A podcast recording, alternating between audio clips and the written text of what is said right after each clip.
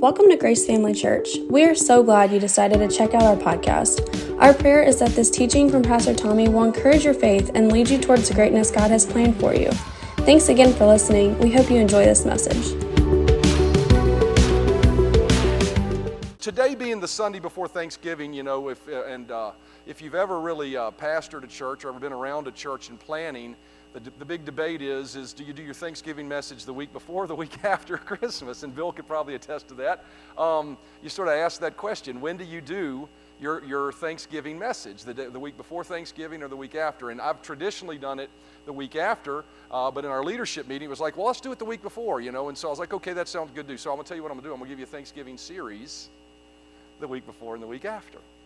So you'll get both. But today I want to talk to you about being thankful um, and uh, just encourage you in some areas of thankfulness. But you know, as we approach that, I really want to talk from about it from this sense. You know, we certainly should be thankful for all the blessings in our life, and Thanksgiving is a great opportunity to do that. Right? As you look around your life, you can see the little things, small and grand, the big things that God has blessed you with, and you can be grateful for those things. And you know that that's important for that to be a part of our lives. Why? Because thankfulness keeps us humble right? As long as you're turning your heart toward God and thanking Him for everything, you're acknowledging Him as your source, and so it keeps you humble. It keeps you from being prideful and arrogant.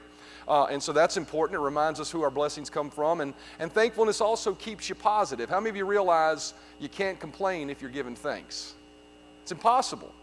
It's impossible to, to complain if you're giving thanks. So if you want to complain, just choose to thank God for something instead.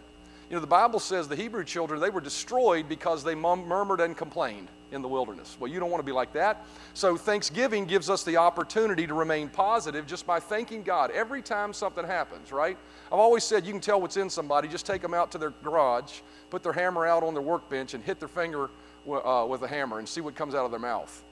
If it's, oh, thank you, Jesus, anyway, right? You know what? You, they're, they're full, they're pretty full, right? Uh, so I would just encourage you if you want to, if you, if uh, Thanksgiving in general for all the little things is great, and we should be thankful for all those blessings. And what what a great situation to live in a country where the whole nation comes together for a moment to really give thanks. You know, even uh, you know the, the heart of that is turning to God and thanking Him for the good things in our life. But today, what I want to talk to you about is really less about general thankfulness, and I want to talk, talk to you about being thankful for something very specific.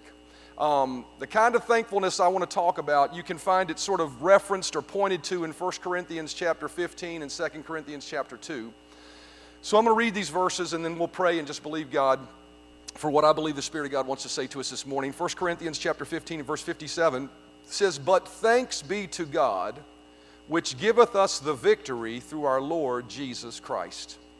And then 2 Corinthians 2 and verse 14 says, Now thanks be unto God which always causes us to triumph in Christ and make manifest the savor of his knowledge by us in every place. Let's pray before we get started. Father, thank you so much for your word. Thank you for uh, speaking to us this morning. I ask you to use me to speak through me to your people. I recognize I'm just a man, and um, you know I can stand up here and share information, but I, I believe you've laid things in my heart through prayer and seeking you, and I ask you just to use me uh, get me out of the way and speak through me to your people about specifically what we need to hear this morning. That our ears, that we would have ears to hear what the Spirit has to say to the church. I just give you praise and thanks for that, Father, for people having ears that are receptive, hearts willing to receive, and for you pouring out something that we don't have to beg you for. You're just doing what you always do. I thank you for it, Lord, in Jesus' name. Amen. Now, if you notice, in those two verses, uh, Paul gives God thanks for victory. And I don't necessarily want to talk about giving thanks for victory very specifically, but what I want you to see is the essence of what he's saying there. And what he's saying in those two verses, he says, Thanks be unto God. Everybody say, unto God. Thanks be unto God who always gives us the victory. And then, secondly, and look who just walked in. I'm sorry, I got to acknowledge. Everybody turn around and say, Have faith. Faith's back from college this weekend, and we love her. You know, she was one of the seniors, uh, graduating seniors we sent off to school, and she's doing a great job there, and we love you, and uh, we're praying for you. And so sorry to embarrass you, and you can smack me later, but glad you made it. Love you. Um, but anyway, uh, Paul in these two verses, he's talking about thanking God for victory, right? Um, and, and, uh, and, and, but, but what he's saying in these verses is not so much, I mean, although, how many of you realize it's great when you get a victory? How many of you are glad to get victory in your life? So it's great to thank God for victory, but the essence of what he's saying is, is I'm thanking God for victory because it came from God. That's why I'm thanking Him, right? Because victory can come from other places. Many, I mean, actually, anything good from comes from God.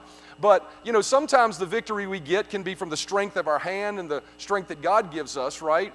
But then there are victories that come that are greater than what we face. And so Paul was saying, I want to thank God for victory that He's provided in my life. And as I was thinking about that, you know, um, I, I thought about the fact that, you know, I've really been looking at what's been in my prayer life and, and really what I've been sharing in my messages. And even no matter what topic I teach on, there seems to be just a theme that's laced throughout everything I'm sharing. So I'm taking that to the Lord as the pastor of the church and saying, Lord, is it something you really want me to put my thumb on, or you really want to put your thumb on for our people? And I believe that He really did want us to do that. And, and, and as I was praying about it, the thing that's really been really uh, just deep in my heart is, is, is this is that God is a God of miracles. Everybody say God of miracles. And I really felt like the Lord wanted me to stress this morning that we need to be thankful for miracles. Everybody say thankful for miracles. You know, um, and, and, and so, you know, there's a hunger that I have rising within me that, that I believe God wants to and this is in the life of any believer. It's not just grace, it's any church, any believer. I believe God wants to fingerprint our lives with miracles so that we're a testament of the fact that we serve a very real, true, and living God. And so the truth of the matter is, is the Bible, as you look at it, is a book of miracles. How many of you realize the Bible's a book of miracles? It's a book of miracles, and, and we should live our lives expecting that. It's not a book of the mundane and human effort. If you look through the Bible, I mean, as you read through the Bible, you know, there, the only times I see mundane and human effort is through disobedience or disbelief. People that have had to strive for years, you know, wandering in the wilderness, you know, they, the reason they wandered, it wasn't because, you know, they were believing for a miracle, it's because of disobedience, right? And so, and so what I find in life is, is that, you know, if I look at the Bible, I see that God is a God of miracles in the Bible. As you read through it, it is a miracle after a miracle. Every account you read is a supernatural encounter with God. It's a book of miracles. And as I was reading about that, it really sort of struck me that most Christians in the world, though, are willing to settle for a life of less than miracles. They're willing to settle for the mundane. They're willing to settle for some religious belief that accommodates for having no miracle when you need it. They're willing to settle for that. And as I've been praying and in my prayer time, God has just challenged me, and I believe He's challenging me to challenge you that we should not be people that are willing to settle for the mundane. We should be people that are believing for what God said He would do in the Bible. You know, as I think about it for a minute, you know, um, I, as I was preparing this morning, you know, uh, this phrase came to my heart you know, as I was really riding with my daughter, and, and she was playing, thank God, Christian music, but it was loud music, and I'm riding along because she, she's learning to drive, and so she's driving me. Um, and I, but this phrase came up in my heart, and I just wanted to, you know, to, to fit in with this. You know, people, people believe for miracles only when their pain rises to the level they are willing to no longer tolerate pain.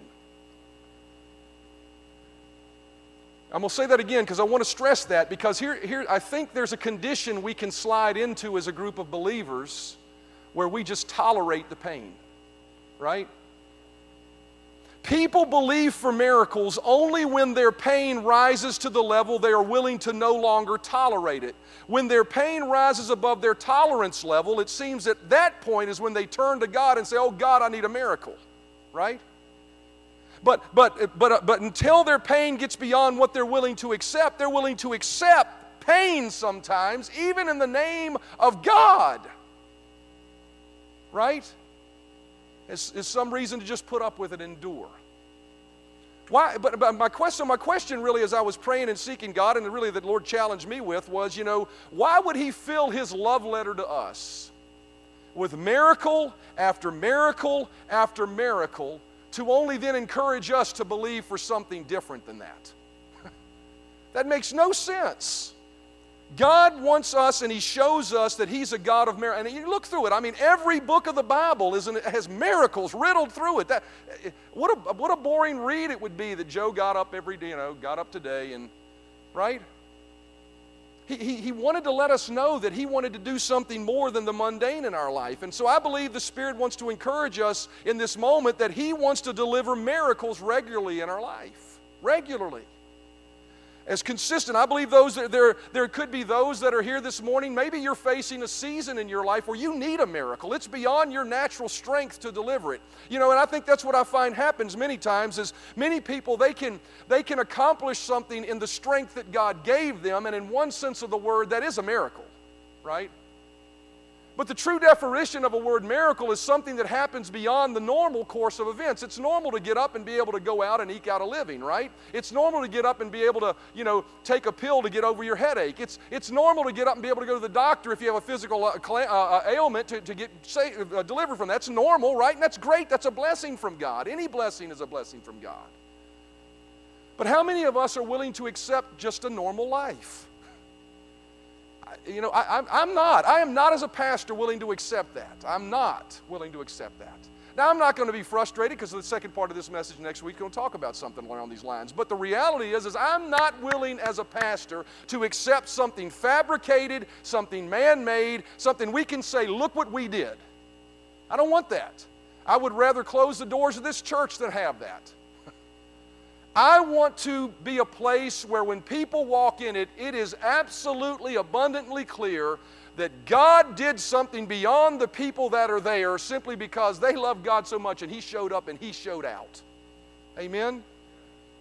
And so I believe we're entering a season. I believe for those that'll believe this, I think God's challenging us to this because I think two things. Number one, I think that we're getting closer and closer to the return of the Lord. And as we do, things are going to get worse, the church is going to get brighter, and you're going to need miracles in your life. And I don't say that to bring fear or anything else. I say it to encourage you that if you'll believe God for miracles, no matter how bad it gets, if He has to rain a miracle from heaven for you, He'll do it. He'll do it. But I believe we're entering a season where God wants to do miracles for us. And I believe we need to have the mindset that Moses had when God called him to do something, that where he said, I'm not going to do this unless you show up, God. Moses said that. How many of you realize God loves you and He has a relationship with you, and, and we should be able to communicate with Him, not disrespectfully, but we should be able to communicate with Him to say, Lord, I want you, and if you ain't in it, I ain't doing it. Right?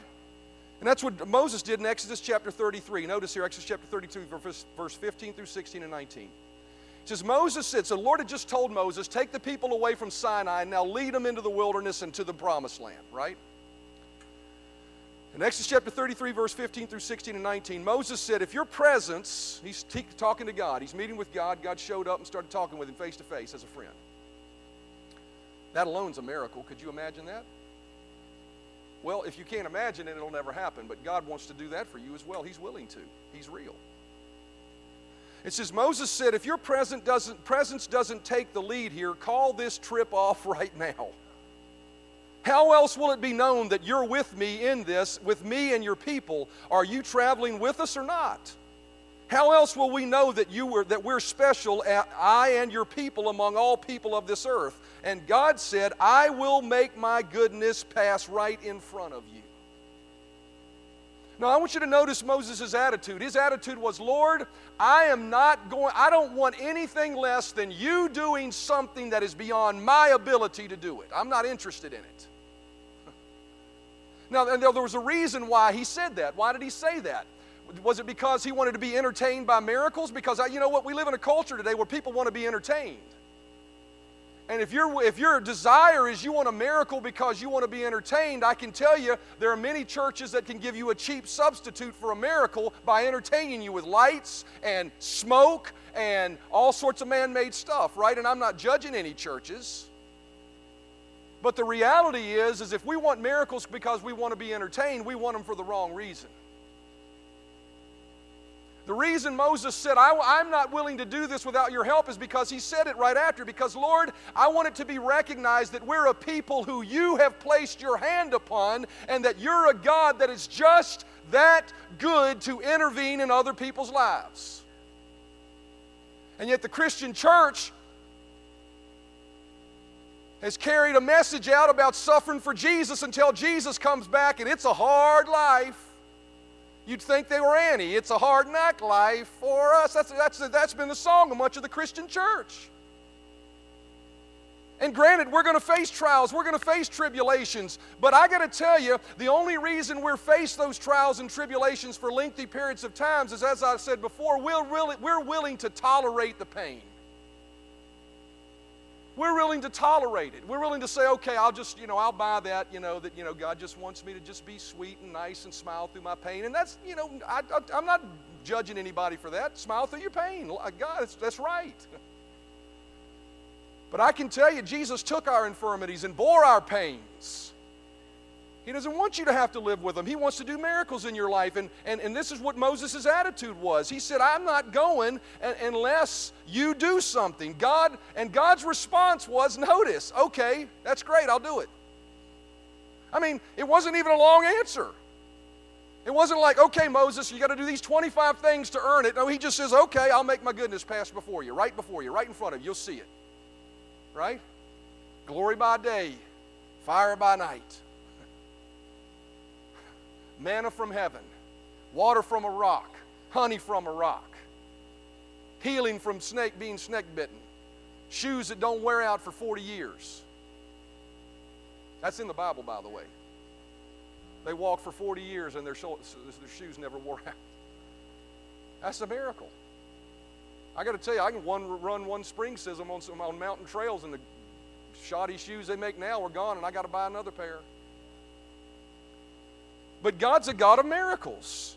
And God's response there in verse 19 was, Okay, I will do it. Why did he say, Okay, I'll do it? I'll tell you why. Because there was an attitude that said, I'm not willing to tolerate the pain. Right? See, what happens many times in our life, I'll say it again, you know, okay, you know, that's just this. I'll just deal with that. God don't want you to just deal with that. He wants you to believe and He wants you to receive miracles. So I'm challenging you today but to begin to be thankful more than ever with your words and with your belief for a God of miracles. So as you move through this Thanksgiving season, yes, be thankful for the little things. Yes, be thankful for your relatives. Yes, be thankful for the blessings of God that surround your life, right? that, he, that you were able to provide by the strength of your hand because He gave you the strength of your hand. Be thankful for that. But I really believe the Spirit of God is saying to challenge the church today to believe for more than just what can be produced by the strength of your own hand. Believe God for more because He's a God of miracles. You know, I say that. I never want to belittle or minimize the little blessings in our life, right? So I don't ever want anybody to think there should be an ungrateful attitude for the things that we do have. I mean, we should be grateful for all that we have. And we should be able to give thanks in every situation. But I just believe God wants us to wants us to have more. And so the question I, you know, I just ask is this. As a matter of fact, here's the statement I read: is, as long as we're willing to settle for cheap substitutes of God's presence and power, that's exactly what we'll get. As long as we're willing to settle with, you know, barely get along because we can endure that, then that's what you'll have. It's not until you become radically hungry for something more that faith rises in you to the point to be able to receive something more. You can see it all throughout the Bible, especially in the Gospels. It's so vividly clear to us. People that receive miracles came with desperation, right? Unfortunately, what happens many times in our lives is we wait until the moment of desperation to believe God for miracles, and the, and the problem's so big that it's bigger than our belief and our own personal faith. But if you're thanking God every day for miracles, there's something else dynamic that happens on the inside of you so that when a mountain shows up, it's not a mountain to you, it's simply a molehill because your God is a God you've been thanking as a God of miracles in your life. 1 Corinthians chapter 15 and verse 5, uh, 57, it says, But thanks be to God. Everybody say to God. Thanks be to God who gives us the victory. And then 2 Corinthians 2:14, now thanks be unto God, which always causes us to triumph. Notice the focus is on God. And so the miracles that we're talking about we should thank God for are miracles that come from the hand of God. I've really been challenged in my life to believe for something more than I think I have the ability to believe for in my own heart. You know what I'm talking about? Right?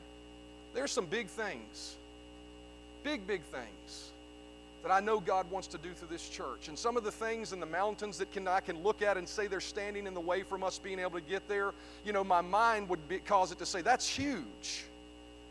But God's been challenging me to believe for the miracle to solve huge. I believe God wants to do that. I believe it's who He is. I'm committed to that in my life.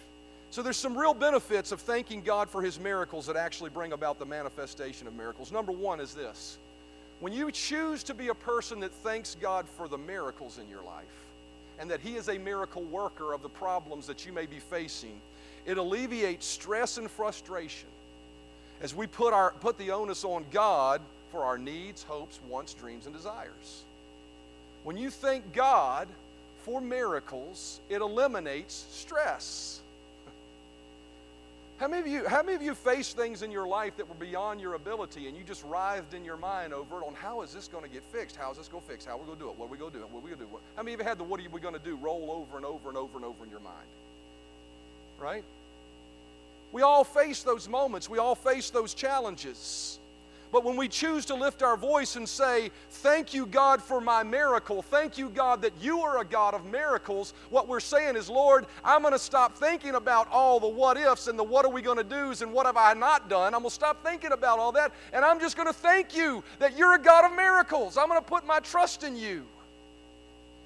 It allows us to embrace the very word that God spoke to Zerubbabel when he was facing a difficult situation.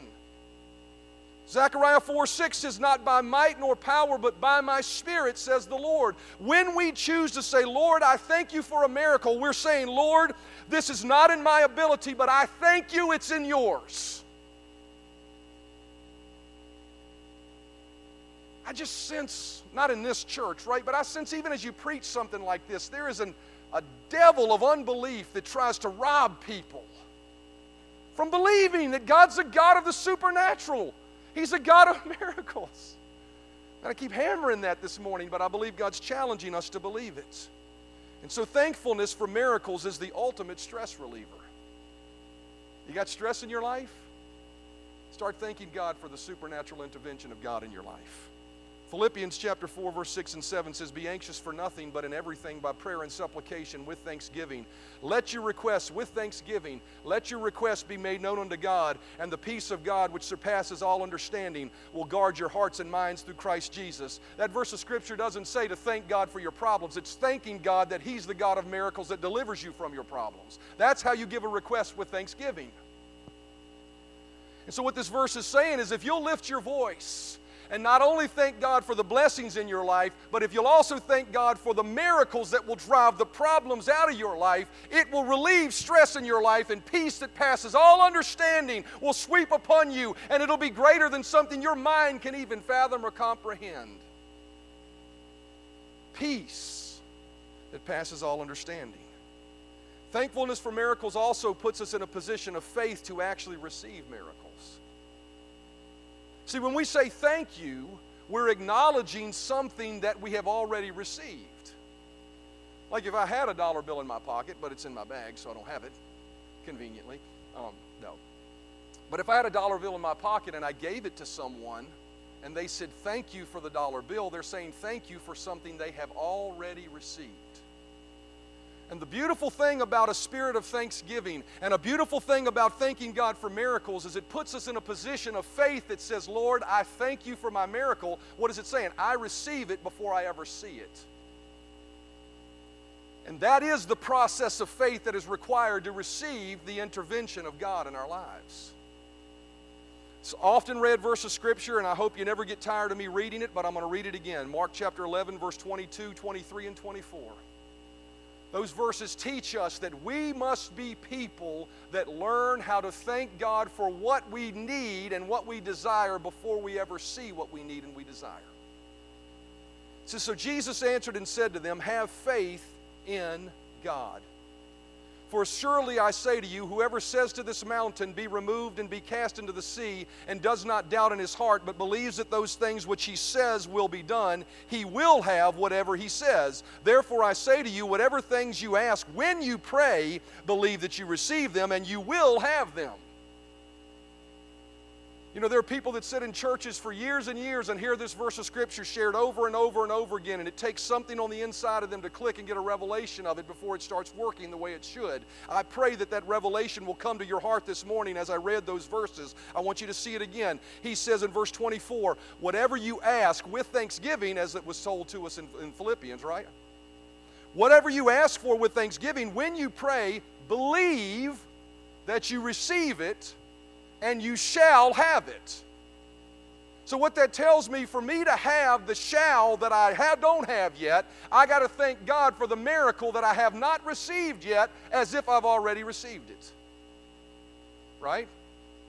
So, how do you get miracles? By giving thanks. Thank you is saying thank you for something already received. Some people say, but the problem's so big, who cares? Thank God for the miracle. Start thanking God for the miracle. Start thanking God for the miracle. Start thanking God for miracle. And let nothing else come out of your mouth. Why? Because if you'll do that with determination that Moses had that said, I ain't going forward for a fabrication. See, you want to know why a lot of people are in financial distress? Because they're not willing to wait for the miracle. Instead, they'll go out and borrow the money.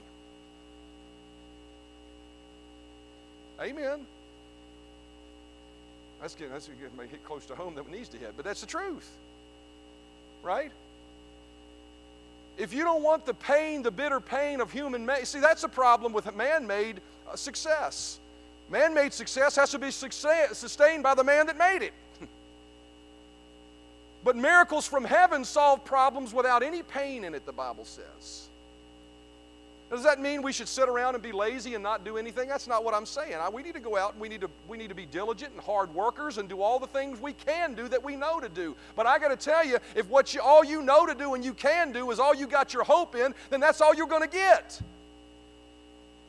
And I believe God is challenging us this morning and says, in the midst of all your working and striving, believe God for me to do something that's beyond your ability to do it Oh my God, please help this. I hope this is getting across. Man, I just, I, it's something that's been permeating my prayer life for this church. I believe God wants us to be a church of miracles.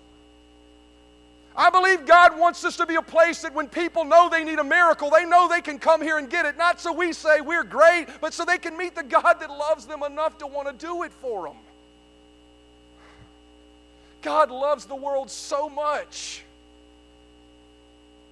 And we taint his love with fabricated, man made, milk toast religion that tells us that He's not willing to intervene in this situation. You know, I got to tell you, I wasn't going to address this from the pulpit, but I got to address it. We all went to see The Chosen. How many went to see The Chosen? Grateful for The Chosen, but I got to tell you, one point in that thing, I wanted to rent my clothes and get up and walk out. I wanted to prophesy to the whole audience that was sitting there. James they, they make up some story, right? I mean, this, that's the other thing. Well, I, am not going to uh, give you an editorial of the movie. But in one point, a man comes to Jesus and asks to be healed, and Jesus says, No, live with it. And the whole audience is like, Oh, what a revel! That ain't a revelation, that's a lie from the pit of hell. It is. Never once did anybody ever come to Jesus and ask for healing and he told them no. Never once. Never once. And yet, 90% of the Christian world will buy that lie. Well, I'll tell you why because of their unbelief of not being able to receive it in their own life at some point in the past. So it couldn't be God, it's got to be, it couldn't be me, it's got to be God. And what happens is we wind up tainting the image of a loving God is some maniacal, twisted God for some mysterious reason that wants us to live in pain to glorify Him. That is not the God of the Bible. That is not the God of the Bible, and we should be believing God for miracles, and we should be a testimony in this valley to every person in this valley that if you got a problem, you don't have to come to God and hear Him say no. If it's a promise in His Word, He says yes. Amen. And so we have to be people that are giving thanks to God to be those type of people that receive those miracles thanking Him before we ever see the, the, the miracle showing up. That's what it says in Mark. And so, thanking God for being my miracle worker and thanking God and saying, Lord, thank you for my miracle, even though I don't see it yet. puts us in a possession, a position of releasing our faith to see the miracle working God manifest what we've yet to see. Deuteronomy chapter 10 and verse 21 says this. It says, He alone is your God. Now, that alone would preach. He alone is your God. That alone would preach. Is He your God? Or has your job become your God? Has your source of income become your God? He alone is your. The only one who is worthy of your praise, the one who has done these mighty miracles that you have seen with your own eyes. See, the thing about it is this if we look over the course of our life, we can see opportunities where God has done miracles for us. We can look back and see different instances. We can look to the scripture and we can see where God did miracles. And what this verse is saying is if God is your God, then thank Him as the God of miracles because He's the one that does the miracles. So, what's the lesson learned today as the musicians come? What's the Spirit trying to say to us this morning? I don't believe it's a chastisement, I believe it's an encouragement He's trying to give us. And that encouragement is this. Listen closely as they're coming. Don't let them distract you. Listen closely. This is what I believe the Spirit of God is saying. Quit striving, quit toiling, quit wearing yourself out, and start thanking God for miracles. Stop worrying and fretting and trying to figure things out.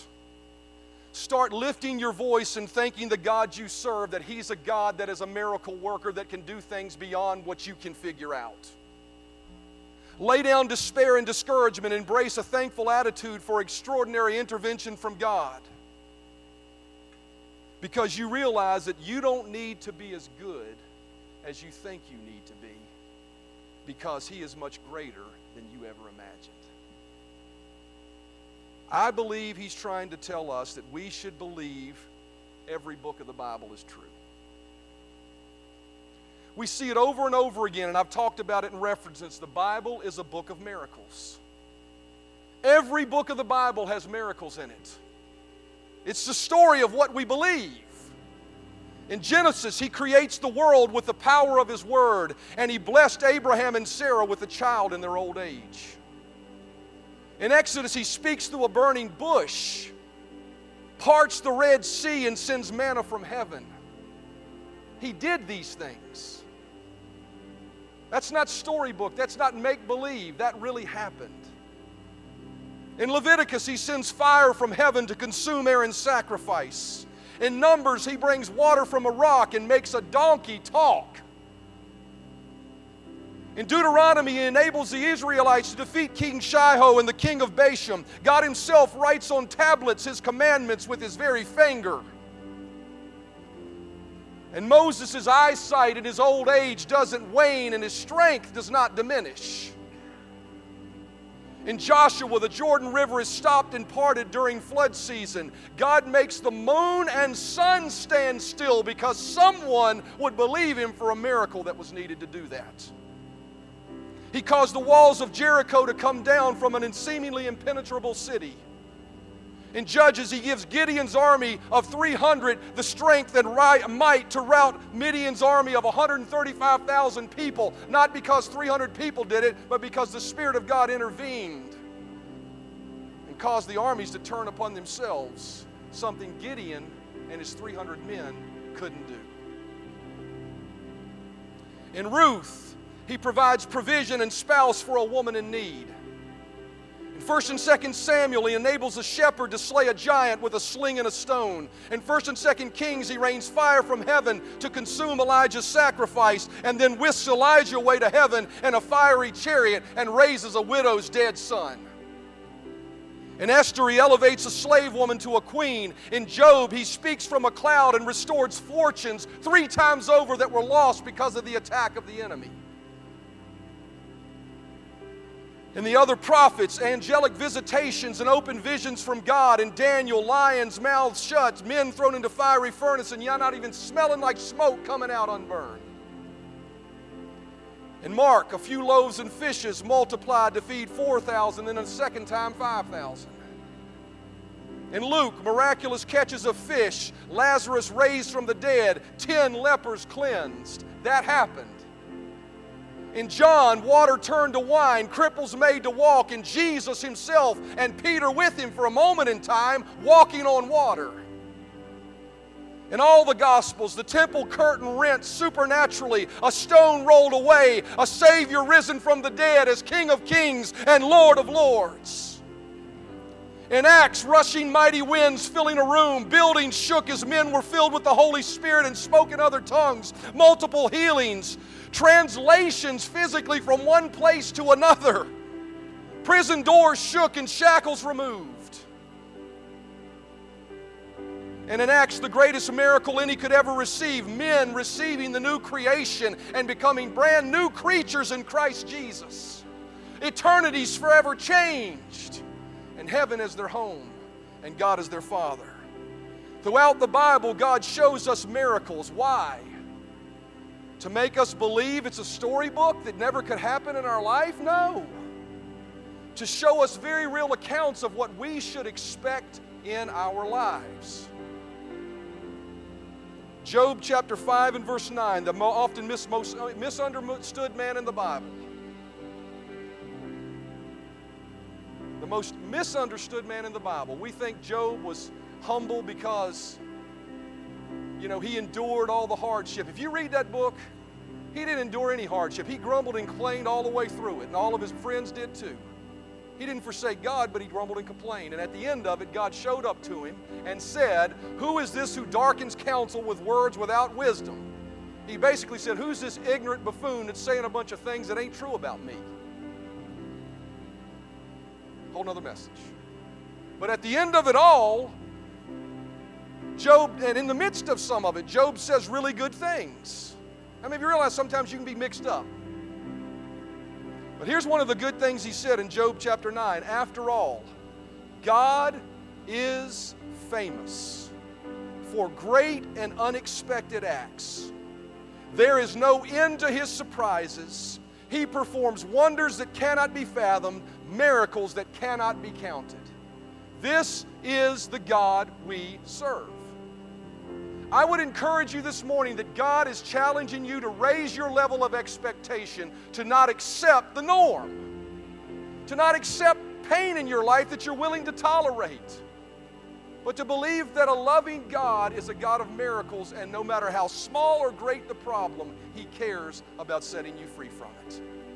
As we approach this week of Thanksgiving, I really felt like the Lord was challenging me to challenge you. Be thankful for all the things in your life but don't forget to thank me that I'm a miracle worker because I'm about to show up and show out in your life. Amen. Thanks for listening to our Grace Family Church podcast. We really hope you enjoyed this message. If this ministry has blessed you in any way, we would love for you to get connected.